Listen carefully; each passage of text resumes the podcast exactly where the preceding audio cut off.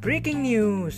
Jawa Timur, catat tambahan pasien positif COVID-19 sebanyak 723 orang pada Sabtu 20 Januari 2020.